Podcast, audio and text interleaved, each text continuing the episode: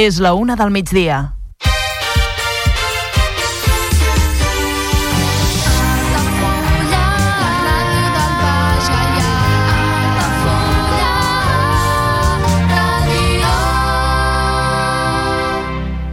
Altafulla Ràdio. Serveis informatius.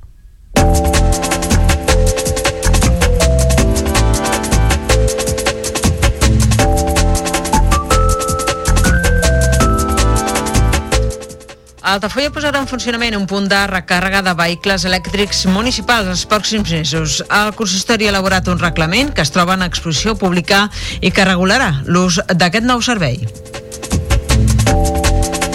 El fons documental de la família Martí més a l'abast a través del servei en línia de l'Arxiu de Tarragona. La seva consulta íntegra està a prop de ser una realitat gràcies al procés de digitalització que se n'està fent. L'Ajuntament d'Altafulla rep 5.600 euros per sufragar una petita part de la programació cultural oferta al 2023. Es tracta d'una subvenció de la Diputació de Tarragona per propostes incloses al servei de l'e-catàleg de l'ENS supracomarcal. L'altafollenc Manolo Carmona publica el seu segon poemari. La nova obra, que es presenta aquest divendres, manté la temàtica de l'amor i la mort com a eixos principals i es basa a les vivències de l'autor. A Torredembarra, les festes de Sant Sebastià a declarar recuperen el format tradicional amb un cap de setmana ple d'activitats. La cercavila del seguici popular tornarà a sortir al carrer i es podrà gaudir d'una xerrada sobre la història d'aquest nucli de la mà de Carles Marquès. I el Catllà inicia el programa de recuperació de camins municipals. Aquesta setmana han començat els treballs a l'antic camí de Vespella, mentre que el consistori ha adjudicat també la neteja de les franges perimetrals de la vila. I en economia us expliquen que la Confederació Empresarial de la província de Tarragona, la CEPTA, es posiciona en contra de les baixes automàtiques de 3 dies. La patronal considera que pot derivar aquesta mesura en un increment de l'absentisme laboral, una qüestió que ja preocupa l'empresariat. I baixa el nombre d'estudiants de grau de la Universitat Rovira i Virgili que abandona la carrera durant el primer curs. Els motius per fer-ho són el fet que no agradi la titulació escollida, dificultats acadèmiques, econòmiques o també de conciliació. La Marató del Banc de Sang de Catalunya es marca el repte d'arribar als 10.000 donants. Enguany hi ha la novetat d'una construcció de la construcció d'un monument virtual dinàmic que anirà tenyint-se de vermell a mesura que augmentin les donacions. I en esports destaquem que una cinquantena de socis i sòcies de la penya ciclista Altafulla participen a la primera sortida de l'any. Des de l'entitat destaquen la participació de ciclistes de la secció d'iniciació i també de l'escola de ciclisme.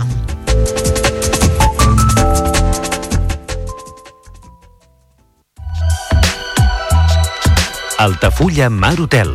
Esdeveniments familiars, comunions, batejos i casaments i reunions d'empresa. Sales privades amb llum natural, terrassa i accés al jardí, des de 10 fins a 200 assistents.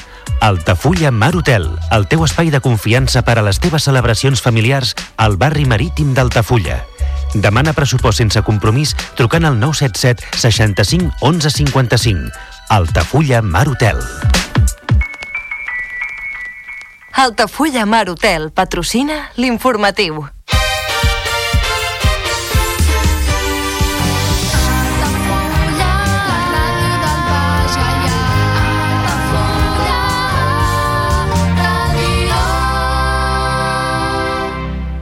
Altafulla Ràdio. Notícies.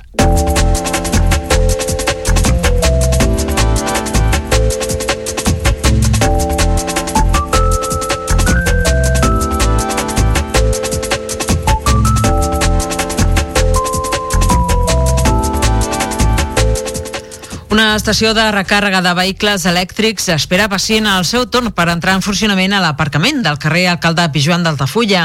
En breu es posarà en marxa i podrà oferir subministrament elèctric a la flota de vehicles elèctrics o híbrids endollables que cada cop és més creixent a la vila. No caldrà, doncs, atensar-se a un punt de recàrrega privat o tenir operatiu un endoll amb aquesta capacitat a casa per poder fer funcionar el cotxe, la moto o la furgoneta elèctrics. Com es tracta d'un servei municipal que és nou, cal que compti amb un reglament d'ús i també amb una ordenança que n'estableixi els costos per l'usuari. Un reglament que es troba en exposició pública fins al pròxim divendres, 12 de gener.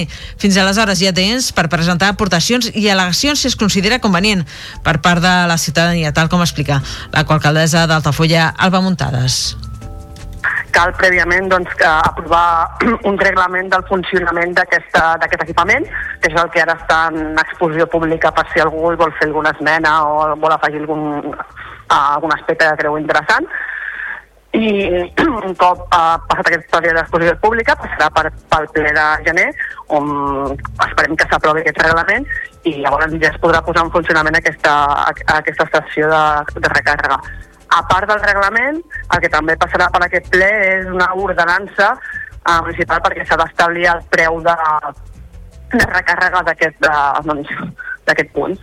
Un cop el reglament superi aquesta fase d'exposició pública, serà el moment de portar-lo a aprovació inicial, junt amb l'ordenança, per part del plenari municipal a la sessió ordinària del mes de gener. Aleshores, tornarà a ser susceptible de rebre al·legacions fins poder ser aprovat novament al ple, però de manera definitiva. Aleshores, i un cop realitzat els tràmits pertinents amb la companyia elèctrica subministradora, podrà entrar en funcionament. Un cop això sigui aprovat definitivament, perquè recordem que el ple és d'aprovació inicial, quan estigui aprovat definitivament i ja tinguem també tots el, la, els permisos d'Endesa i totes les connexions disponibles, perquè també estem pendents d'una sèrie de tràmits de Mendesa, llavors ja es podrà posar en funcionament normal aquest, aquest punt de recàrrega. I qualsevol altre que volguessin posar al municipi ja, ja també vindria reglamentat pel mateix reglament amb això balança. Es calcula que els tràmits s'allargaran encara un parell de mesos i pels vols de la primavera la nova estació municipal de recàrrega de vehicles elèctrics o híbrids endollables estarà en funcionament. Així mateix ja es podran instal·lar nous punts de subministrament amb el recolzament de la nova normativa ja plenament operativa. Cal tenir en compte que el reglament contempla aspectes com els elements que integren la infraestructura, les condicions d'ús del servei, els drets i deures dels usuaris, les obligacions també del consistori i les infraccions, danys i sancions pel seu mal ús, entre altres qüestions.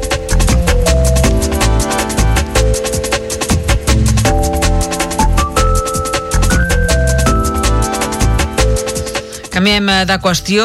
Ja és possible consultar en línia quin és el fons documental extens que atresora l'Arxiu Històric de Tarragona sobre la prolífica família Martí, amb Antoni Martí Franquès com un dels seus membres més reconeguts. La documentació, cedida per la seva custòdia a l'Arxiu Tarragoní per part de l'Ajuntament d'Altafulla, que en té la titularitat, es troba relacionada en el Servei d'Arxius en línia de la Generalitat de Catalunya.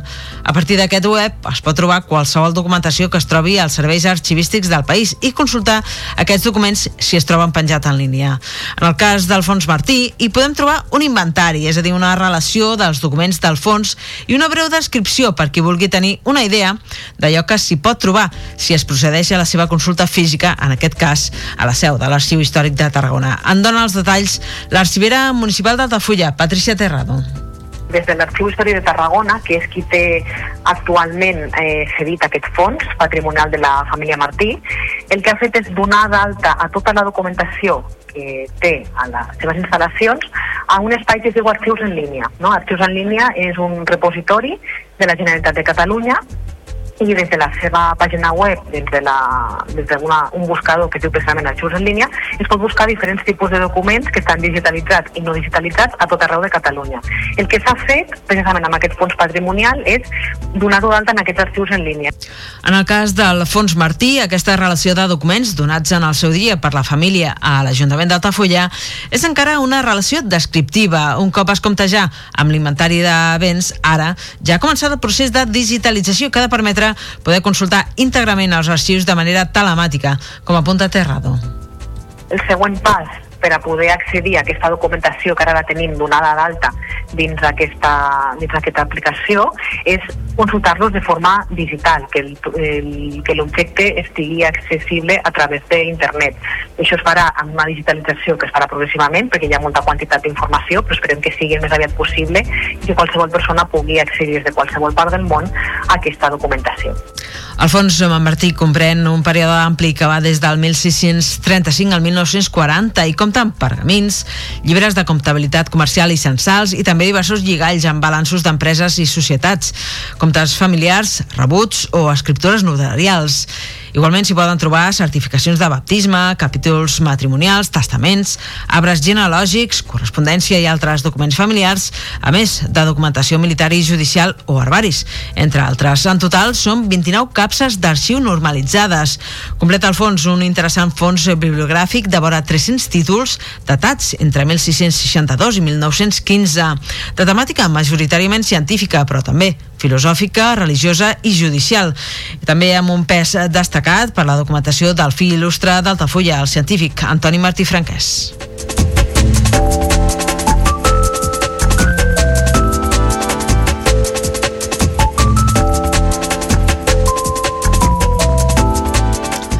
I la programació cultural de l'Ajuntament d'Altafulla ha comptat amb l'habitual aportació de la Diputació de Tarragona per donar-li un petit impuls i contribuir a sufragar una part dels costos de les activitats que s'organitzen anualment.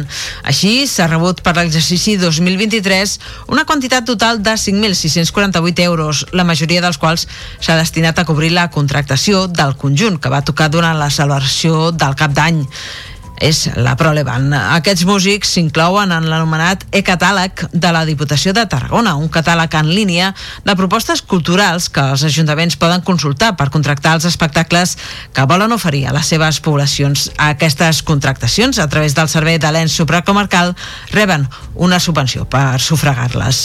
En concret, per l'actuació de la Prolevan es van rebre 3.477 euros. La resta, fins a arribar a la quantia total rebuda, s'ha destinat destinat a cobrir altres activitats culturals programades a la vila durant l'any passat, durant el 2023.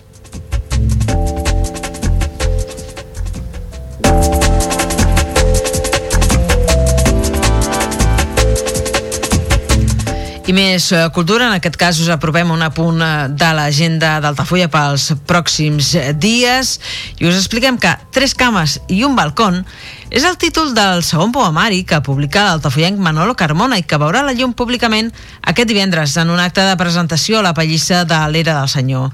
Són efectivament tres llits i una balconada el que tenia ell a la seva habitació de casa als pares quan era petit, en una habitació que compartia amb els seus germans. Un títol, doncs, que ja ens deixa entreveure que el poemari veu de les seves experiències, de les seves sensacions des de la infantesa fins ara, com ha explicat en aquesta emissora el mateix autor continuo parlant de lo mateix, de lo que és l'amor, l'amor, són paraules, paraules similars però amb molta diferència, i el que és la vida en si, tot el que és la, la infantesa i, i tot el que és l'experiència vital, no? o sigui, la, la, fins, fins a dia d'avui tot el que un, un, un rebuscar amb el fons interior de, de lo que és la infantesa i, bueno, i totes aquestes experiències viscudes fins ara. Carmona assegura que aquesta segona obra segueix la línia del primer poemari publicat per l'autor, tot i que reconeix que aquest cop és una mica menys, com diu ell, descarnat és una miqueta menys descarnat que el primer, no és, és, és més variat amb temàtica, però el que és la construcció de la poesia és bastant similar. O sigui, és un, continua sent poesia de l'experiència, o sigui, és un, una poesia molt similar al primer, però menys, menys descarnat que el primer. Més d'un centenar de poesies configuren aquest nou poemari de Manolo Carmona editat per la Banya Edicions, editorial altafollenca. Aquest divendres, 12 de gener, a dos quarts de vuit del vespre, es presenta públicament aquest poemari en un acte a la Pallissa de l'Era del Senyor, com dèiem, un acte apadrinat pel seu editor, per l'editor Òscar Ramírez, que conversarà amb l'autor per desgranar davant del públic alguns dels passatges del llibre. Igualment, dos amics de Carmona participaran en la lectura d'algunes de les seves poesies. El llibre es podrà adquirir el mateix dia de la presentació, tot i que també ja està ja a la venda a la seu de la Banya Edicions, al carrer Martí d'Ardenya número 26 de la Vila, o bé a través del seu web www.labanya.cat.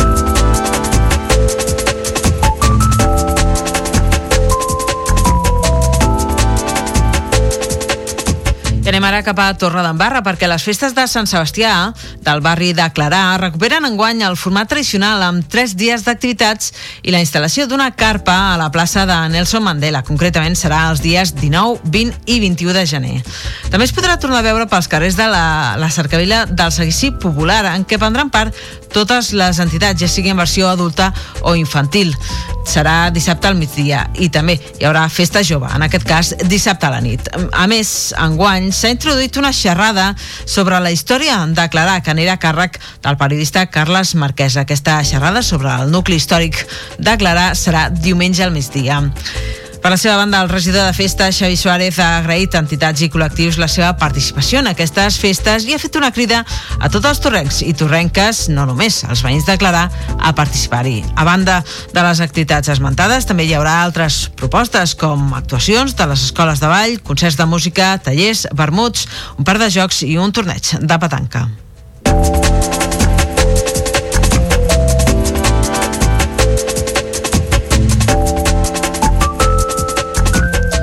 I al Catllà, l'Ajuntament ha iniciat la primera actuació del programa de recuperació de camins municipals aquesta setmana amb els treballs a l'antic camí de Vespella. Les obres que s'estan duent a terme tenen un cost de 10.700 euros i les realitza una empresa adjudicatària. Paral·lelament, el consistori també ha atorgat la neteja de les franges perimetrals properes a les zones habilitades per un import de 38.900 euros. Es planteja amb aquesta actuació cobrir totes les urbanitzacions del municipi i servirà com a mesura de prevenció contra incendis. En darrer lloc, s'ha adjudicat la reposició de cablejat robat a la urbanització Parc Llevant 1 i 2 i el canvi d'algunes lluminàries. Per diferents circumstàncies, aquestes estaven trencades o en mal estat i era necessari reposar-les o canviar-les. En aquest cas, l'import total dels treballs és de 36.200 euros.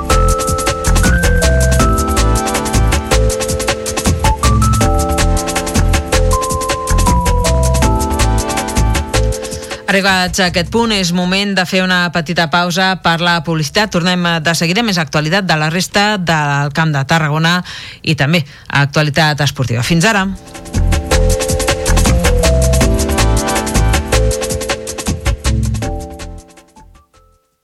Ja coneixes les propostes que t'ofereix el Club Marítim Altafulla? Vine i descobreix totes les nostres activitats. Sortides en caiac o pa del surf, cursos de vela per a totes les edats. No t'ho perdis. Club Marítim Altafulla. Obert tot l'any i per a tothom. Comunions 2024. Dates ja disponibles amb sales privades, jardí, pàrquing privat i la millor gastronomia. Més informació i reserves al 977 65 11 55 i a comercial arroba altafullamarotel.com o al web altafullamarotel.com. Les teves celebracions familiars a l'Altafulla Mar Hotel. Carrer Major, el programa de les emissores del Camp de Tarragona. Cada dia de 4 a 6 de la tarda, el que passa al Camp de Tarragona t'ho expliquem amb la major redacció d'un programa de territori quilòmetre zero. Periodisme de proximitat, continguts de qualitat, amb Anna Plaza i Toni Mateos. Carrer Major. La pilota torna a rodar i el centre d'esports Altafulla juga una temporada més a Altafulla Ràdio. Els groc i negre reben a un candidat al títol i l'ascens al Sant Pere Sant Pau amb la voluntat d'aconseguir la primera victòria del 2024 davant l'afició i seguir la bona ratxa al Joan Pijuan. Aquest dissabte, a partir de les 5 de la tarda, segueix el partit en directe a través del 107.4 de la freqüència modulada, al web 3 altafullaradio.cat, l'aplicació per a dispositius mòbils o la televisió digital terrestre. El futbol més modest sona Altafulla Ràdio.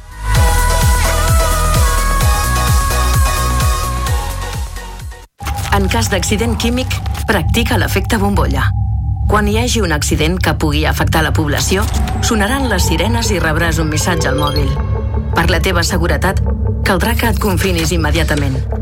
A casa, a l'edifici més proper o a l'escola. Tanca les portes i les finestres. Abaixa les persianes i apaga els sistemes de climatització. L'efecte bombolla et protegirà. Generalitat de Catalunya. Sempre endavant.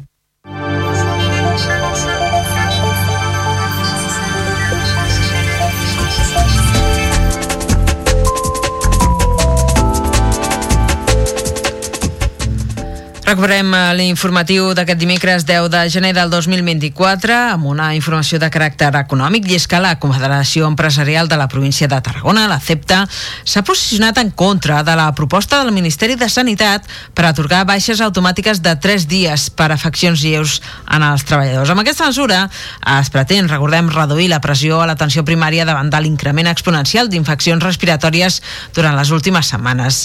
El nou president de la CEPTA, Xavier Rigau, que va accedir a càrrec aquesta tardor, considera que la proposta és desencertada perquè pot arribar, diu, en un increment de l'absentisme laboral, una qüestió que ja preocupa actualment l'empresariat. Hi ha el tema del absentisme laboral, vull dir que ara ha sortit aquest matí sortia la idea de que el, el, els, els treballadors se poden fer una autobaixa de tres dies, de la qual encara si teníem absentisme doncs això es pot disparar perquè clar, sense cap eh, prescripció metge ni res doncs el, el, els tres primers dies que a més són els que paguen les empreses doncs el, els treballadors poden, no se poden, donar, poden fer una baixa. Sí, això és impensable en una entrevista al programa en xarxa Carrer Major, el president de la CEPTA també s'ha mostrat escèptic amb les negociacions entre govern, patronal i sindicats per incrementar el salari mínim interprofessional. Rigau adverteix que un increment de sou sumat a la inflació pot afectar els comptes de resultats de moltes empreses però hi ha moltes feines que són molt intensives en personal i aquest, i aquest increment d'un punt o dos punts de, que se't desvi eh, pot ser perdre o guanyar per tant, és molt important. El que passa és que el, el govern no ha fet eh, una mica d'amagatotis perquè ho posa dintre de la, de la votació i posarà també, doncs, clar, que unes coses que són populars, que, que és, doncs, no pujar el dia dels aliments o de l'electricitat i coses d'aquestes, i llavors, clar, qui diu que no amb això, no?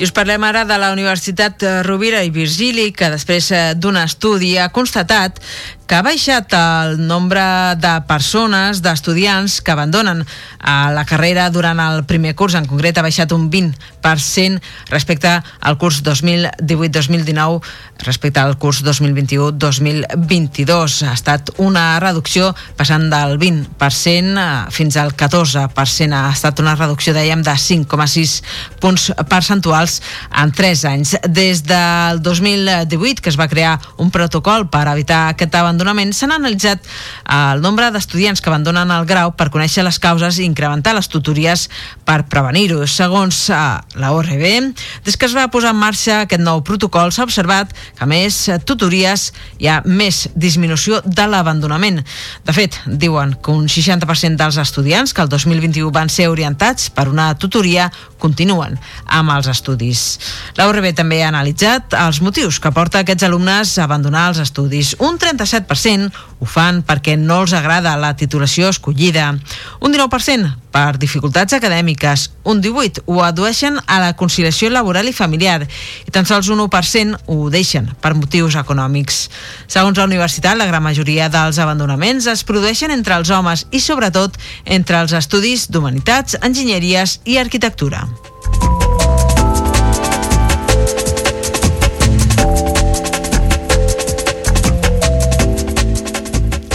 I 10.000 persones donants és l'objectiu que s'ha marcat la Marató dels Bancs de Sang de Catalunya. La iniciativa enguany tindrà lloc des d'aquest dijous 11 de gener fins divendres, dia 19 del mateix mes, amb un acte de cluenda que tindrà lloc a la ciutat de Tarragona. L'entitat preveu que al llarg de l'any 2024 més de 70.000 persones necessitin rebre sang d'uns bancs que ara mateix, després de les vacances de Nadal, estan en uns nivells perillosament baixos. L'alcalde de Tarragona, Rubén Viñuales, així ho ha assegurat en declaracions a l'emissora Ràdio Ciutat de Tarragona. Més de 70.000 persones necessitaran donacions de sang als hospitals de Catalunya aquest 2024. No oblidem que la campanya de Nadal eh, sempre es baixen molt no, les reserves de, de sang a fruit de les festes. Crec que és un, un moment idoni per tal d'aquest esperit nadalenc no, que, sempre, que sempre treballem, lluitem i, i promocionem es pugui traslladar amb un acte tan bonic com, com donar sang. No? Són declaracions de Vinyuales en la presentació de la Marató de Sang que ha tingut lloc a Tarragona i que enguany eh, té com a novetat la construcció d'un monument virtual dinàmic a través d'una aplicació i un codi QR que t'anirà tenyint-se de vermell a mesura que el nombre real de donacions vagi augmentant. A Tarragona el punt de donació de sang, recordem, és l'Hospital Joan 23 i el lema d'enguany d'aquesta marató és fer-ho entre tots és molt nostre. Convida doncs, a donar sang i a implicar-hi a la família, amics, entitats esportives i veïns i veïnes. A l'acte del cluenda de la, la capital tarragonina, que es farà el 22 de gener, es donaran a conèixer els resultats de la campanya celebrada a tot el territori català.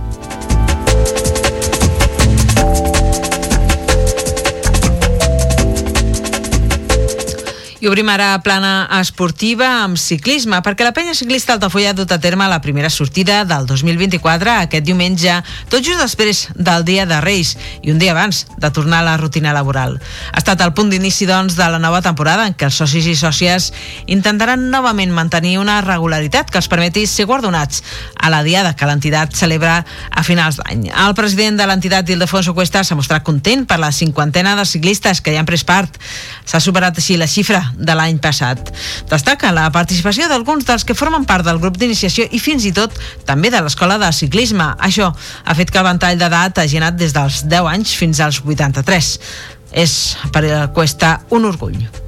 Eh, estem molt contents perquè va assistir forces forces socis, o sigui, eh, vam arribar gairebé a la cinquantena, de, a més a més amb la participació tant de la secció de carretera com la de muntanya. També van venir alguns membres, o alguns socis que participen de la, del grup d'iniciació en BTT i inclús també va venir algun de l'escola infantil d'Altafulla. O sigui que, que el ventall va ser ampli, l'assistència va ser força millor que, que la de la temporada passada. La sortida ha estat una de les clàssiques, de fet, és la mateixa que van fer per acomiadar el 2023, la que els du habitualment a Salomó. El motiu, com ha explicat Cuesta, és que el restaurant en el qual realitzen l'esmorzar de Germanó es garanteix una atenció acurada per un grup tan nombrós i també també els garanteix tenir ben controlades les seves bicicletes mentre fan l'àpat. Tots els socis i sòcies que han participat a la primera sortida de l'any ja tenen un punt a la classificació general de l'entitat. A partir d'ara, cada secció realitzarà les seves sortides setmanals de forma individual, amb alguna trobada conjunta de manera puntual. Cuesta destacar que és un orgull veure la quantitat de socis i sòcies que participen en aquestes activitats i que constata la bona salut de l'entitat. I una altra entitat de casa nostra que té bona salut eh, és la dels atletes d'Altafulla, que han començat el 2024 en plena forma, després d'haver participat a la Sant Silvestre de Torredembarra i Tarragona i d'haver dut a terme una nova edició del primer bany de l'any a la platja d'Altafulla. Un cop passades, doncs, les festes de Nadal, els corredors i corredores de l'entitat han tornat a la rutina i també als entrenaments. Més enllà de les sessions que cadascun i cadascuna pugui fer de forma individual, recorden que els dimecres continuen trobant-se per exercitar-se tots plegats plegats sota les directius de l'entrenador Javier Jaimes. Cal recordar que es tracta d'una jornada oberta a tots els socis i sòcies i també a qualsevol persona que en vulgui fer un tast, que vulgui fer un tast d'aquest entrenament. Els interessats a rebre més informació sobre els entrenaments setmanals de l'entitat doncs han d'enviar un correu a l'adreça electrònica atleta, atletesaltafulla arroba gmail.com o bé presentar-se el mateix dia de l'entrenament a partir de les 7 davant del castell.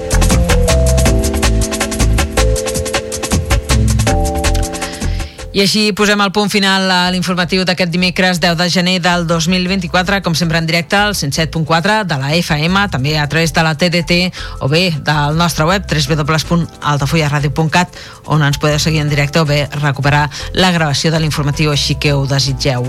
Igualment està actiu el perfil d'Altafulla Ràdio a les xarxes socials Facebook i X, Twitter.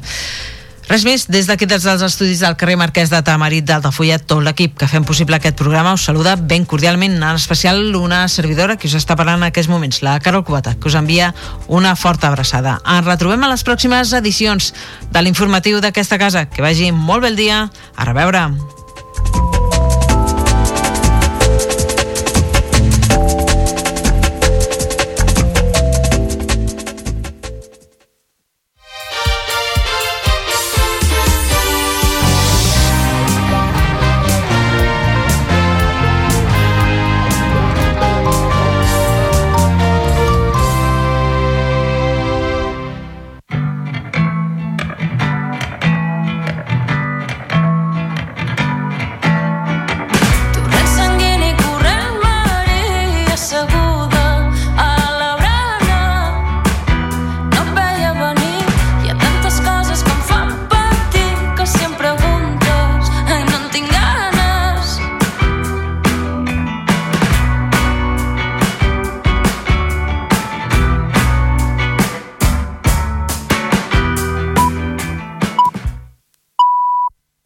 Altafulla Ràdio. La xarxa.